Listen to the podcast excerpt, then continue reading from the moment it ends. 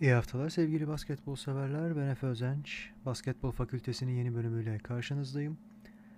Kötü haberlerle dolu bir haftayı geride bıraktık. En güncel olanlarından bir tanesi Atlanta Hawks'ın galibiyet serisini 8 maça çıkardığı ve şimdilik geçici olarak diyelim yardımcı koç iken takımın başına geçen Nate McMillan'ın da 8 maçlık deplasman turuna çıktığı ilk maç olan Lakers karşısında takımının o göreve geldikten itibaren ki ardı ardına 8. galibiyetini aldığı maçta Lakers adına belki de zaten hani şampiyonluk umudunu vesaire geçelim. Elit bir takım olmalarını sağlayan yegane unsur LeBron James ayak bileğinden sakatlandı ve sahalardan 6 ila 8 hafta boyunca uzak kalacağı açıklandı. Bu da demektir ki LeBron kuvvetle muhtemelen playoffların başlangıcına kadar yok. Hatta ilk turun 1-2 maçını kaçırması bile gündemde olabilir. Elbette ki öncelikle geçmiş olsun. Fakat bu öngörülmeyen bir sakatlık değildi açıkçası. Bilhassa Anthony Davis sakatken LeBron'un bu yaşta bu kadar fazla sahada kalması ve zaten aktif oyuncular içerisinde de NBA tarihinde de açık ara en fazla sahada kalan oyuncuların başında gelmesi zaten onun ilerleyen yaşlarda artık ne olursa olsun tabiata karşı gelemeyip yorulan vücuduna daha da fazla yük bindirip onu müzmin bir sakat haline getirebilirdi. En azından sakatlığa daha müsait bir insan haline getirebilirdi ki nitekim ne yazık ki bunun ilk emarelerini görmeye başladık. O yokken Anthony Davis de yokken hani son zamanlarda çıkış yapan bir Kyle Kuzma veya Montrezl Harrell takımı nereye kadar götürebilir bilinmez ama playoff'a kadar kalabilirlerse şu çerçevede öpüp başlarına koymaları lazım. Ha olur Anthony Davis döner.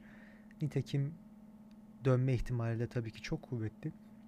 Vasata yakın bir performans çizseler bile hiç değilse playoff'a 8. sıradan bile olsa kalma ihtimalleri olur ve ilk turda LeBron'a kavuşup belki de tarihte en alt sırada playoff'a girip ondan sonra şampiyon olan takım haline gelmeyi de başarabilirler ki malumunuzdur bunun bu alandaki kategorinin rekortmeni 1995 senesinde Batı konferansında playofflara 6. sıradan giren yani bir önceki senenin şampiyon olmasına karşın üstelik Clyde Drexler gibi bir takviyenin gelmesine rağmen Vernon Maxwell başta olmak üzere pek çok sakatlığa da maruz kaldığı için 6. sıraya kadar düşen fakat playofflarda kendini bulup üst üste ikinci kez şampiyon olmayı başaran Hakim Olajuwon önderliğindeki Houston Rockets'tı. Elbette ki üzücü bir durum. Yani sevenlerine de Lakers'a da geçmiş olsun, LeBron'a da geçmiş olsun. Fakat bundan çok daha acıklı bir haber daha vardı. O da geçmişte özellikle 1990'lı yıllarda NBA'yi seyretmiş olan taraftarlar, hayranlar, basketbol severler çok iyi hatırlayacaklardır. O dönem George Murashan'la beraber NBA'in en uzun boylu iki oyuncusundan biri olan ki aslında NBA tarihinin zaten en uzun boylu oyuncularından bir tanesi olan yaklaşık 2.29-2.30'luk boyuyla fark yaratan fakat normalde sakatlanmadan evvel aslında çok önemli şeyler vaat edip özellikle de top tekniği konusunda, savunma gücü konusunda ve fiziki direnç konusunda eşine benzerine zor rastlanacak türden bir potansiyel vaat edip sakatlandıktan sonra hırsını da kaybettiği ve zaten genellikle Mormon kültürüne de yatkınlığı, misyonerlik kültürüne yatkınlığı ve şiddetten, fiziksel sertlikten pek hoşlanmadığı için bunu fiziksel hayatına da kendi kişisel özel hayatına da yansıtan Sean Bradley çok defalar NBA'de blok krallığında başa güreşmiş olan Sean Bradley fakat gittiği hiçbir takımda en uzun süre oynadığı Dallas Mavericks'te bile bu temastan hoşlanmayan ve kalıbının adamı olamayıp cüssesinin hakkını veremeyen, e sakatlıkların ardından da gitgide yavaşlayan ve takımı için artık bir güçten ziyade handikapa dönüşen Sean Bradley ne yazık ki emekliliğinin içerisindeyken bir bisiklet kazası sonucu boyundan aşağısı felç kaldı. Onun haberi geldi. Gerçekten çok acıklı bir durum. 1993 senesi bizim ülkemiz için çok hazindir fakat 93 draftinde seçilen oyuncuların pek çoğunun da başına ne yazık ki kötü bir kader tesadüf etti diyelim artık. İsabet etti, tesadüf etti. Sean Bradley bu silsilenin son halkası oldu. Nitekim şöyle söyleyelim. İlginçtir ki George Murashan da aynı draftte seçilmişti. Sean Bradley ile fakat Bradley NCAA'lerde forma giydiği için çok daha göz önündeydi. Murashan'ın NBA kariyeri daha kısa sürse bile muhtemelen en çok gelişme kaydeden oyuncu ödülünü de aldığı için daha sükse yapan ve başarılı bir kariyer olarak lanse edilebilir. En azından Bradley kadar bir hayal kırıklığı değildi. Sakatlıklar onun kariyerini bitirdi nitekim. E tabi 2.30'luk bir boya sahip olmak da hem sivil hayatta hem de basketbol sahasında sizi açıkçası çok kısıtlayan, güçlendirdiği kadar da zorlayan ve işte Porzingis örneğinde az kalsın görebileceğimiz gibi ya da daha evvel Ralph Sampson, Yao Ming örneklerinde görmüş olduğumuz gibi işinizi çok zorlaştıran, sizi mahveden, bir anda kat be kat seviyenizi düşüren bir husus. Her şeyin fazlası gerçekten tehlikeli. Fakat Sean Bradley'den evvel bir takım kayıplar daha vardı bu draft yılında. Öncelikle Avrupa'dan çok iyi tanıdığımız Alfonso Ford sayı krallarından malumunuzdur. 2000'li yılların başında özellikle büyük sükse getirmişti. Önemli bir skorerdi. Kanserden vefat etmişti. Ki onun adına zaten en skorer oyuncu ödülünü veriyor Euroleague her yıl. Ve ne hazindir ki bu ödülü en fazla sayıda şu ana kadar kazanan oyuncu da Igor Rakocevic gibi bir isim. Bir diğer 93 drafti talihsizi diyelim. Bizim ligimizden çok çok yakinen tanıdığımız hem Efes Pilsen'de o dönemki ismiyle Efes Pilsen'de hem de Fenerbahçe'de uzun yıllar boyunca forma giymiş ve taraftarların gönlünde gerçekten çok özel bir yere sahip olmuş olan spektaküler pivot ve power forward Conrad McRae. Şimdi oğlu Jordan McRae NBA'de oynuyor. Beşiktaş'ta da çok kısa bir süre yanılmıyorsam forma giymişti. Conrad McRae gerçekten 2000 yılında işte NBA'de yaz liginde bir takıma girmek için fırsat kovalarken kalbine yenik düştü ve hepimizi yasa boğdu. Çok çok çok özel bir isimdi. Özellikle de yerine geldiği Larry Richard 93'te Aris'e karşı kupanın kaybedilmesini engelleyemezken Conrad McRae iki maç üzerinden oynanan Koraç Kupası finalinde Stefanel Milano'ya, Olimpia Milano'ya karşı galip gelinmesinde ve kupanın kazanılmasında, Türkiye tarihinin basketboldaki ilk kulüpler bazındaki kupasının kazanılmasında çok çok büyük bir faktördü. Özellikle spektaküler hareketleri, boş pozisyonlarda çok böyle artistik smaçlar vurma ve yüreğini ortaya koyarak her pozisyon için savaşma kapasitesi yüzünden Conrad McRae'in bizim için özel bir önemi vardır. Tekrardan buradan kendilerini almış olalım ve son olarak o draftte seçilen isimlerden Rodney Rogers da 2000'li yılların sonuna doğru 2010'ların başında yanılmıyorsam trafik kazası geçirdi motosiklet kazası ve o da Sean Bradley'e benzer şekilde felç kaldı. Şimdi hani işin enteresan kısmı elbette ki herhangi bir seneyle bunu özdeşleştirmek saçma olur. Doğruya doğru yani hani şu dönemin mezunları içerisinde kötü bir kader kurbanı olan çok fazla insan vardır. Uğursuz yıl vesaire falan denemez mutlaka ki. Ama yani hani bu kadar fazla tesadüf de insan bilemiyor tabi. Geçmiş olsun demek lazım. Sean Bradley pek çok NBA sever için açıkçası bir hani alay konusuydu belli açıdan. Çünkü kendinden kısa boylu kaç tane cevval oyuncu varsa özellikle de siyahiler kendisini posterlemek için malzeme olarak benimserdi. Kafalarında onu bir hedef olarak bellerdi. Nasıl ki Vince Carter işte Frederick Weiss'ın üzerinden 2000 olimpiyatlarında ölüm smacı denen o dehşetengiz smacı vurduysa pek çok insanda gözüne Sean Bradley'i kestiriyordu NBA'de. Yani adeta rüştünü ispat etmenin yöntemlerinden bir tanesiydi onun üzerinden smaç basmak. Çok sert bir oyuncu değildi ama o kadar uzun boyluydu ki işte tıpkı Mark Eaton veya Manute Ball gibi onun üzerinden o blok krallığına güreşirken özellikle başa güreşirken onun üzerinden smaç vurabilmek, onunla kavga çıkarmak, fiziksel sertlikte onu yıldırmaya çalışmak bunlar çok önemli unsurlardı NBA'li kısalar için. Biz öyle hatırlıyoruz. Sakatlanmasa çok daha belki farklı bir oyuncu haline gelebilirdi veya kafa yapısı başka türlü olsa, daha saldırgan, daha agresif bir oyuncu olsa gerçekten Yao Ming'den gördüğümüze benzer bir şeyi hiç değilse bize gösterebilirdi Sean Bradley. Gerçekten büyük geçmiş olsun tekrardan. Umarız tez zamanda iyileşebildiği kadar iyileşir. Hani Allah herkesi böyle bir kaderden korusun diyelim. Başka gündemler de var. Geçtiğimiz haftaki kaydın hemen sonrasında ortaya çıkan bir gelişmeydi. Lamarcus Aldridge San Antonio Spurs tarafından serbest bırakıldı. Halen daha hangi takımla anlaşacağı belirli değil. Bu konu açıkçası birkaç bakımdan ilginç benim adıma. Çünkü Birincisi San Antonio Spurs yıldız oyuncuları serbest oyuncu piyasasından transfer etmek konusunda çok çok çok çok gerilerde kalan bir takımdır. Hiç bu stratejiye başvurmazlardı. Lamarcus Aldridge'in transferi olana kadar. Ki o da zaten açıkçası Tim Duncan'ın tavsiyesiyle tıpkı bir zamanlar David Robinson'ın Tim Duncan'a Orlando'ya gidip gitmeme mevzusu içerisinde telkinlerde bulunduğu gibi Tim Duncan da Lamarcus Aldridge'e gel buraya San Antonio'da kral olacaksın. Popovic'in sistemini benden sonra sen sürdüreceksin telkinleri arasında San Antonio'ya transfer olmuştu.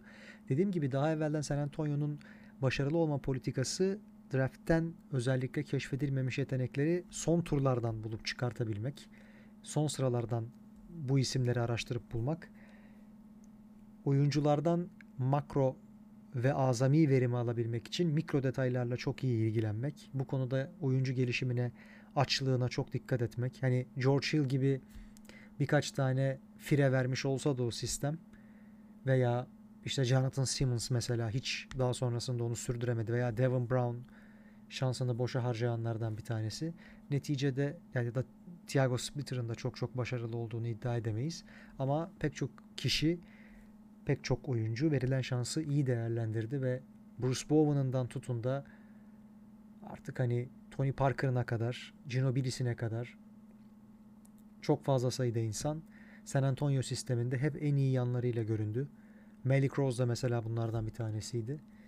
Ve o sistem içerisinde büyük oyuncuları, yıldız oyuncuları takıma katmak yoktu. Bu aynı zamanda muhtemelen takımın kimyası açısından da önemliydi. Çünkü hiç isim yapmamış oyunculardan Tim Duncan'ı bir tarafa bırakıyorum veya David Robinson'ı onların etrafındaki diğer oyunculardan bir kimya meydana getirmek adına Avrupa'da örneğin Ivkovic gibi koçların tercih ettiği gibi üzere diyelim daha doğrusu düşük egolu takım oyuncuları, görev adamları veya yıldız potansiyelli ama egosunu bastırıp takımı daha ön fazla plana çıkartan oyunculardan kurulu ve bir yıldızın etrafına dizilmiş. İşte nasıl ki Olympiakos'ta Spanulis, e, burada da benzer şekilde Tim Duncan veya sonrasında Lamarcus Aldridge böyle bir yapı oluşturmak istendi. Önemli bir gelişmeydi doğruya doğru. Fakat Lamarcus Aldridge aynı zamanda San Antonio'nun serbest bıraktığı oyuncular içerisinde de en yüksek profile sahip olanı. Daha evvel bir serbest bırakma durumu olmamıştı. Bu da radikal bir hamle. Transferi kadar takımdan ayrılması da Lamarcus Aldridge için radikaldi. Şimdi şunu söyleyelim. Rudy Gay gibi bir isim de orada. Lamarcus Aldridge orada. Demar DeRozan'la her ne kadar aynı bölgelerin adamı olsalar da hep oralardan orta mesafe şutu kullansalar da hatta bu konuda NBA'in belki iki yegane bayraktarı olarak soyu tükenen iki isim olarak kalmayı sürdürseler de başarısız değillerdi kesinlikle. Ve hatta Lamarcus Aldridge yaptığı işi mükemmelen yapıp daha fazlasına da zaten vaatte bulunmayıp güzel bir sistem kurgusu içerisinde All-Star'lık oynamayı sürdürüyordu. Elbette ki yaşı da artık geldi. 35 yaşına geldi yanılmıyorsam. Ama hala hem onun hem Rudy Gay'in verebileceği bazı şeyler var takıma diye düşünüyorduk. DeRozan'dan vazgeçerler diye bir ihtimal vardı. Belki takas malzemesi haline getirilebilir diye ama böyle bir şey olmadı. Bakalım onun yerine hangi oyuncuyu koyacaklar sistemde. Şimdi Keldon Johnson'ın 20 sayı 20 reboundu aşmış bir performansı oldu ki bunu en son aşan isim de Tim Duncan'dı San Antonio'da. Sessiz sedasız gene alttan alta %50 galibiyet oranının üzerinde gitmeye devam ediyor San Antonio. Hakikaten takdire şayan bir başarı. O serileri bozulmuş olsa bile akıl almaz bir istikrar modeli San Antonio tarih kitaplarına geçecek düzeyde ve bütün belki spor branşları içerisinde model olarak ele alınması gerekiyor. Buradan da söyleyelim. Bakalım Lamarcus Aldridge hangi takıma gidecek? Portland'ın ona dair bir isteği var. Çünkü Damian Lillard'ın onu takıma çağırdığı alenen ortada. Herkesin malumu artık. Göreceğiz. Takaslar demişken Kyle Lowry'nin gözden çıkartılacağı konuşuluyordu. Hatta Miami'nin bu uğurda Kendrick Nunn gibi bazı isimleri gözden çıkardığı da vaki. Goran Dragic'i de paketleyip göndereceklerdi muhtemelen. Ve bu transfer gerçekleşmedi. Daha doğrusu Kyle Lowry hiçbir yere gitmeyeceğim dedi ve Toronto'da takas tekliflerine kapalı olduğunu söyledi. Aslında tam zamanıydı ama artık DeRozan'a yaptıklarını Kyle Lowry'e yapmak istemiyorlar mı? Vefa gösterecekleri mi tuttu nedir bilmiyoruz. Daha dinç, daha kaliteli, daha fazla piyasa değeri olan bir Lavri'yi seneye bulamayacaklar muhtemelen. Çünkü tabiatın kanunu gereği bir yaş daha fazla eskimiş olacak ve yaşlanmış olacak Kyle Lowry. Bakalım bu tercih nelere yol açacak Toronto'da. Aynı zamanda Miami Meyers Leonard'ı da elden çıkardı. Neredeyse bedavaya gitti denilebilecek türden bir takas olması beklenirken karşılığında Oklahoma City Thunder'dan Trevor Ariza'yı aldılar ki Ariza hiç yoktan bile olsa NBA'de halen daha pek çok takımın ihtiyaç duyacağı türden bir oyuncu. Hatta o tarz kanat oyuncuları içerisinde 1-2 yıl önce belki ligin en gözde en iyi isimlerinin başında geliyordu. Jay Crowder'la vesaireyle beraber. Halen daha da sağlıklı kalabildiği sürece bir takıma verebileceği çok şey var. Özellikle de Miami gibi bir takıma. Hele ki Jay Crowder gibi bir adamı kaybettiği için kanat savunmasında bocalayan ve eski finalist görüntüsünden uzak kalan bir Miami'ye özellikle. Bunu da söyleyelim. Meyers Leonard da muhtemelen Oklahoma City Thunder tarafından serbest bırakılacak. E, bunun içerisinde tabii Oklahoma City ikinci round piki de aldı. Onu da söyleyelim. Ve hani şu an yanılmıyorsam Oklahoma City önümüzdeki 7 yıl boyu toplam 35 tane draft hakkına sahip. Devasa bir silah. Diledikleri her şeye dönüştürebilirler eğer akıllıca kullanabilirlerse. Burada Sam Presti'ye tabii çok büyük iş düşüyor. Bu arada şunu da söyleyelim. Bir diğer takas gerçekleşti. Milwaukee PJ Tucker'ı ve Kurucs'u aldı Houston'dan. Bir de 2022'deki birinci tur hakkını geri aldı. Daha evvel vermiş olduğu takas sebebiyle vermiş olduğu hakkı. Karşılığında DJ Augustin'i, DJ Wilson'ı elden çıkardı. Daha avantajlı olması muhtemel. Bir ilk tur korumasız draft hakkını da Houston'a verdi 2023 için. Aynı zamanda da 2021'de ikinci turdan birinci tura değişim swap hakkı bulunan bir takas hakkını gönderdi. Düzeltiyorum draft hakkını gönderdi seçimi. Şimdi her iki takıma da yarayabilecek türden bir durum. Neticede Houston'ın haraç mezat elindeki kıymetli malzemeleri 3 aşağı 5 yukarı bir şeyler karşılığında dağıtacağı belliydi. E, Oladipo'yu da Miami zaten çok istiyor. Bakalım New York'un da ona dair bir hamle yapacağı söyleniyor. E, Miami'yi bu konuda çok fazla kınayamayız elbette ama neticede Houston'ın halen daha Christian Wood ekseninde eğer kabul ederse John Wall ekseninde gideceği bir yol var diyelim. Şimdi Milwaukee'nin durumu daha acıklıydı. Özellikle Antetokounmpo'nun 5 numarada çok fazla mesai harcadığı düşünülürse hem 4 hem 5 iyi savunma, iyi hücum, görev adamı, sert bir oyuncu, Yılmaz oraları oynamış çok tecrübeli. PJ Tucker ideal bir isim. Bir kıpırdanma yaratabilecek mi Milwaukee'de göreceğiz. O hakikaten şampiyonluk kalibresinde oynamaya başlayabilecekler mi göreceğiz ama önemli bir takviye. Her iki takımın da kazandığını düşünüyorum ben açıkçası. İstatistiklerin NBA'de artık çok ucuzlaştığından ve triple double yapmanın çok çok çok çok kolaylaştığından dem vurmuştuk daha önceki haftalarda. İşin ilginci bir gecede 6 maçta yanılmıyorsam toplam 6 oyuncu triple double yaptı ve bu NBA tarihi açısından bir ilk. İlk kez bir akşam 6 tane oyuncu bir gece oynanan maçlarda triple double yapmış oluyor. James Harden, Ben Simmons, Draymond Green, Nikola Jokic, Arvidas Sabonis ve Russell Westbrook. Yani bunların pek çoğu zaten umumiyetle bu istatistiğe imza atan isimler. Fakat hani bunlardan kaç tanesi kazandı, takımına kazandırdı vesaire derseniz bu tabii başka bir konu. Ama gerçekten istatistik ucuzluyor ve bazı şeyler çok kolaylaşıyor. Bu yüzden de kıymeti harbiyesi azalıyor. Bu arada Westbrook demişken Bradley Beal ve Russell Westbrook Utah'a karşı galip geldiklerinde gerçekten ikili birlikte çok önemli bir performans daha sergiledi. Karşılarında da Donovan Mitchell ve bence kariyer yılını yaşayan Joe Ingles vardı. Onlar da çok iyi oynadılar ve çok ufak bir nüans belirledi galiple mağlubun arasındaki farkı. Güzel bir maçtı fakat istikrar olmuyor. Her maç böyle oynasa bile bu ikili etraflarındaki oyuncular özellikle de Deni Avdia halen daha takıma monte olamadığı için, rolünü bulamadığı için sıkıntı yaşıyorlar ve artık onlar için bu sene bir yılı eğer takaslamayacaklarsa biraz rölanti de geçmeli veya playoff kovalayamayacakları da 3 aşağı 5 yukarı belli. Genç parçaları Hachimura ile Avdia'yı özellikle geliştirmeye harcamaları tavsiye olunur naçizane.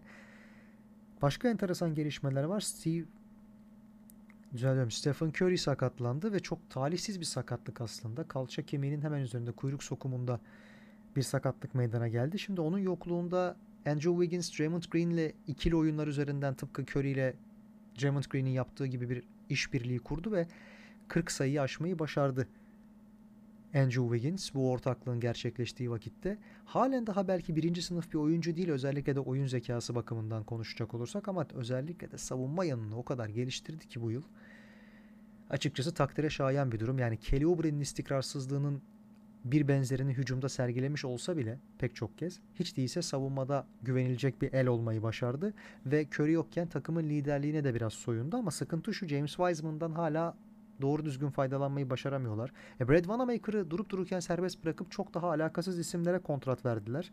Kevin Looney'i nasıl elden çıkartacaklar o belli değil. Çıkartacaklar mı ya da?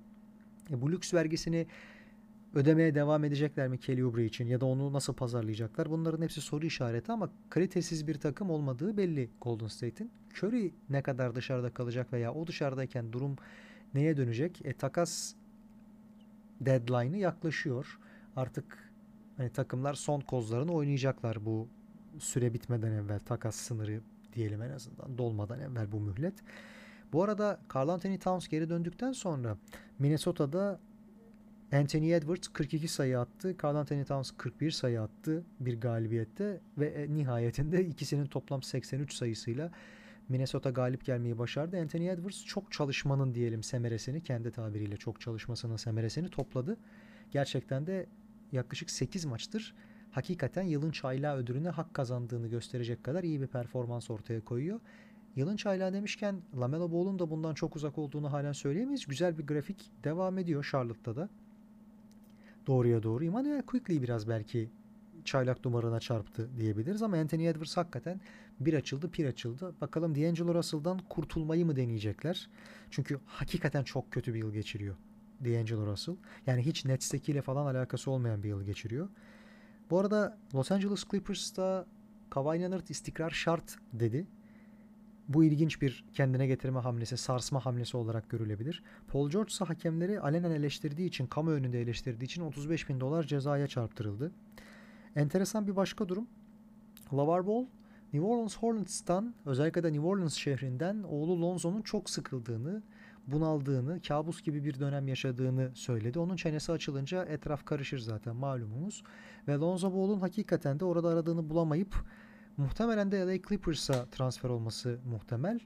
İlginç bir hamle. Açıkçası böyle bir oyuncuya ihtiyaçları var mı? Yani Nikola Batum'u barındıran Lonzo Ball'u haydi haydi barındırır bir defa onu söyleyelim. İkincisi kısa rotasyonlarında çok fazla joker rolü de beklemiyorlarsa veya lider olmasını beklemiyorlarsa Lonzo Ball iyi, iyi bir iş görür. Clippers'ın aradığı oyuncu olabilir. Dış şut bakımından kötü bir yıl geçirmiyor. Sadece geri planda kalıyor. Ingram ve özellikle Zion Williamson o kadar ön planda ki onun yaptığı şeyler iyi de olsa çok seksi ve spektaküler hareketler olmadığı için ve Lamelo bunları ondan daha iyi yaptığı için aslında Lonzo epey epey geri kaldı. Yoksa kötü bir oyuncu, faydasız bir oyuncu değil. Zihnen toparlandığında hele ki savunma ve top dağıtımı bakımından gerçekten güzide katkı verebilen bir oyuncu. Bunu da söyleyelim. Bu arada bazı eyaletler içerisinde pivot oyuncular ya da uzun boylu oyuncular ya da boy kilo indeksi belli bir oranın üzerinde olan oyuncular Covid aşısı olmaya hak kazandılar ve bu oyuncular aşı işlemini gerçekleştirdi. Sırada gardlar var muhtemelen ama onlara ne zaman sıra gelir tabi o da belli değil. Amerika tabi federal yasaların yanı sıra bir de eyalet yasalarıyla yönetildiği için aşı durumunda bile salgında bile farklı farklı düzenlemeler olabiliyor. Bu da tabi o takımlarda o yörenin takımlarında oynayan oyuncuları artık kimine göre şanslı kimine göre şanssız addediyor. Bu da ilginç bir gelişme olarak açıkçası haftanın gündemlerinden bir tanesiydi. Julius Randle arka arkaya 3. triple double'ını yaptı bu yıl ve bir tanesinde 17 asist ile kariyer rekorunu bu alanda kırarak o triple double'ı gerçekleştirdi. Bir de Brooklyn'e karşı kaybettikleri maçta, ucu ucuna kaybettikleri maçta maçın sonunda Kyrie Irving'le dalaşmaya niyetlendi. Kyrie de hani böyle gel gel falan tarzında bir jest, mimik vesaire yaptı ama bu kadar sinirlenilecek bir şey var mı? Kyrie Irving dalaşılacak tinette bir oyuncu mu? Yani buna değer mi? Bunların hepsi ayrı tartışma konuları. Bu arada Brooklyn Nets demişken James Harden hakikaten bir üst seviyede oynadığını, çok üst bir seviyede oynadığını ve kendisinin bu yılki ve geçen yılki Houston forması giyerken sergilediği performanstan çok daha kalitesini sergilediğini bizlere adım adım göstermeyi sürdürüyor. Hem Kyrie hem Kevin Durant yokken ve Kevin Durant tedbir amaçlı olarak biraz daha dinlendirilip sahalardan uzakta kalacakken Harden gerçekten mükemmel oynatıyor takımı ve biz hepimiz şüphelenen herkes ben hala şüpheliyim playofflar için nasıl bir sertlikle karşılaşacaklarını ve buna dair nasıl bir çözüm uygulayacaklarını halen daha bilmiyoruz neticede. Ama şu an için bütün parçalar uyumlu, herkes rolüne alışmış, birbiriyle oynamaktan zevk alıyor ve bakalım artık Drummond serbest kaldıktan sonra neler olacak, neler bitecek onu da göreceğiz veya işte Ceval McGee'yi kovaladıkları konuşuluyor. Yine benzer şekilde Lakers'ın da böyle talepleri var. Bakalım kim kiminle anlaşacak? Aaron Gordon mesela gidecek mi bir yere? Nereye gidecek? Vucevic niye hiç gözden çıkarılmıyor? Orlando niye halen değerliyken onu pazarlamaya çalışmıyor?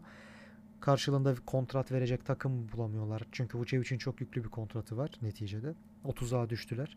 Bunların hepsi ayrı ayrı hesaplama ve tartışma konusu ama James Harden'ın özellikle 21 sayı, 15 rebound ve 15 asistlik bir maçı var. Çok enteresan bir triple double'dı. Bir de aynı zamanda bu kadar kısa sürede forma giyiyor olmasına rağmen programın başında değindiğimiz üzere triple double'lar o kadar ucuzladı ki şu an Jason Kidd'in arkasından Nets tarihinin en fazla triple double yapan oyuncusu haline geldi yarım sezonda.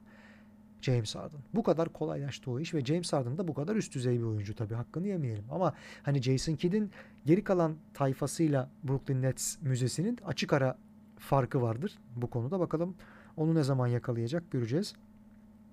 Bir başka konu Luka Doncic'in biraz daha fazla evrilmesi diyelim eski performanslarını daha fazla anımsatması. 42 sayı ürettiği bir maç vardı. Güzel bir hafta geçirdi. Biraz daha evrilmesi diyoruz çünkü Luka'nın top paylaşımı konusunda daha akıllıca tercih yapması ve daha seri, daha hızlı bir oyun oynatması.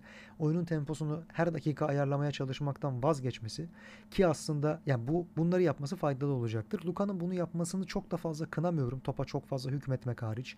Yani Harden gibi topu boğmaya çalışması hariç diyelim belli ölçeklerde ya da Russell Westbrook gibi boğmaya çalışması diyelim daha ziyade.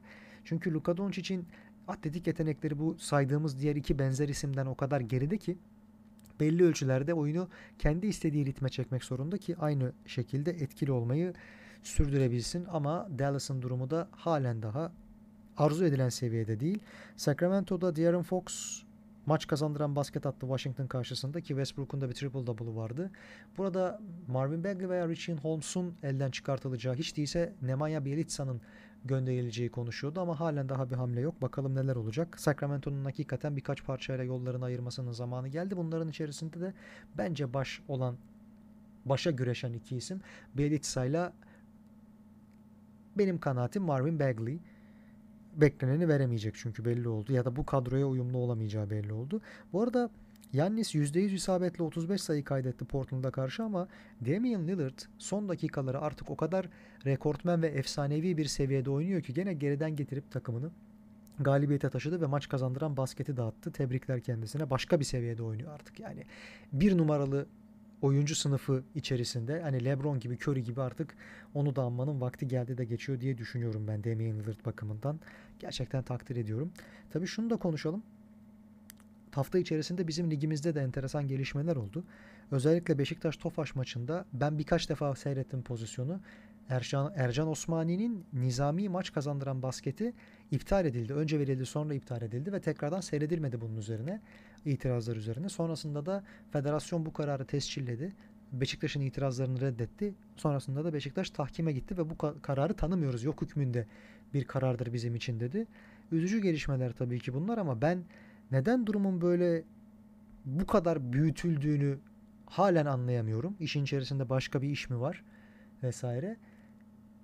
Elbette biraz daha gürültü kopartacaktır bu husus. Nitekim bu hafta oynanan maçta da Beşiktaş Darüşşafaka maçında da aslına bakarsanız çok gergin bir ortam yoktu fakat toplamda 70 faul düdüğü çıktı. Bu gerçekten çok büyük bir rakam. Yani 1986 Sovyetler Yugoslavya maçında veya 71'deki 72'deki çok affederseniz o Amerika Birleşik Devletleri Sovyetler Birliği olimpiyat finalinde bile bu kadar gergin bir ortamın olduğu bir maçlarda bile böylesine üst seviyede, üst sayıda çok sayıda faul düdüğü çalınmıyordu gerçekten işin içerisinde başka bir hani bahis olayı mı var, şike mi var? Her iki takım da bundan çok rahatsız. Hakemlerin yanlış kararlarından herkes çok rahatsız. Hakikaten ibretlik, numunelik bir maçtı bu. Bakalım arkasından bir şey çıkacak mı yani? Aslı astarı nedir göreceğiz işin iç yüzü. Fakat şüphe çeken vaziyetler bunlar diyelim. Temsilcilerimiz içerisinden Euroleague yolunda Fenerbahçe kötü bir yara aldı Valencia'ya karşı mağlup olup. Efes'te yine benzer şekilde hakemlerin katliamına uğrayarak Bayern Münih'e son topta yenildi. Çünkü son topta normalde ona faulün verilmesi lazımdı. Larkin'e iki defa nizami biçimden de faul yapıldığı görülüyor. Fakat işte gene bu ilk dörde girme yolunda playofflar içerisinde iyi bir sıralama kapma yolunda budanıyor. Efes yazık oldu diyelim bu takımlara. Bu haftalık benim bildireceklerim bu kadar. Önümüzdeki hafta görüşünceye dek İsmet abimizin, rahmetli İsmet Badem'in dillere pelesenk sözüyle programı noktalayıp sizlere veda ediyorum. Dudaklarınızdan tebessüm, kalbinizden basketbol sevgisi eksik olmasın. Şen kalın, esen kalın. Hoşça kalın.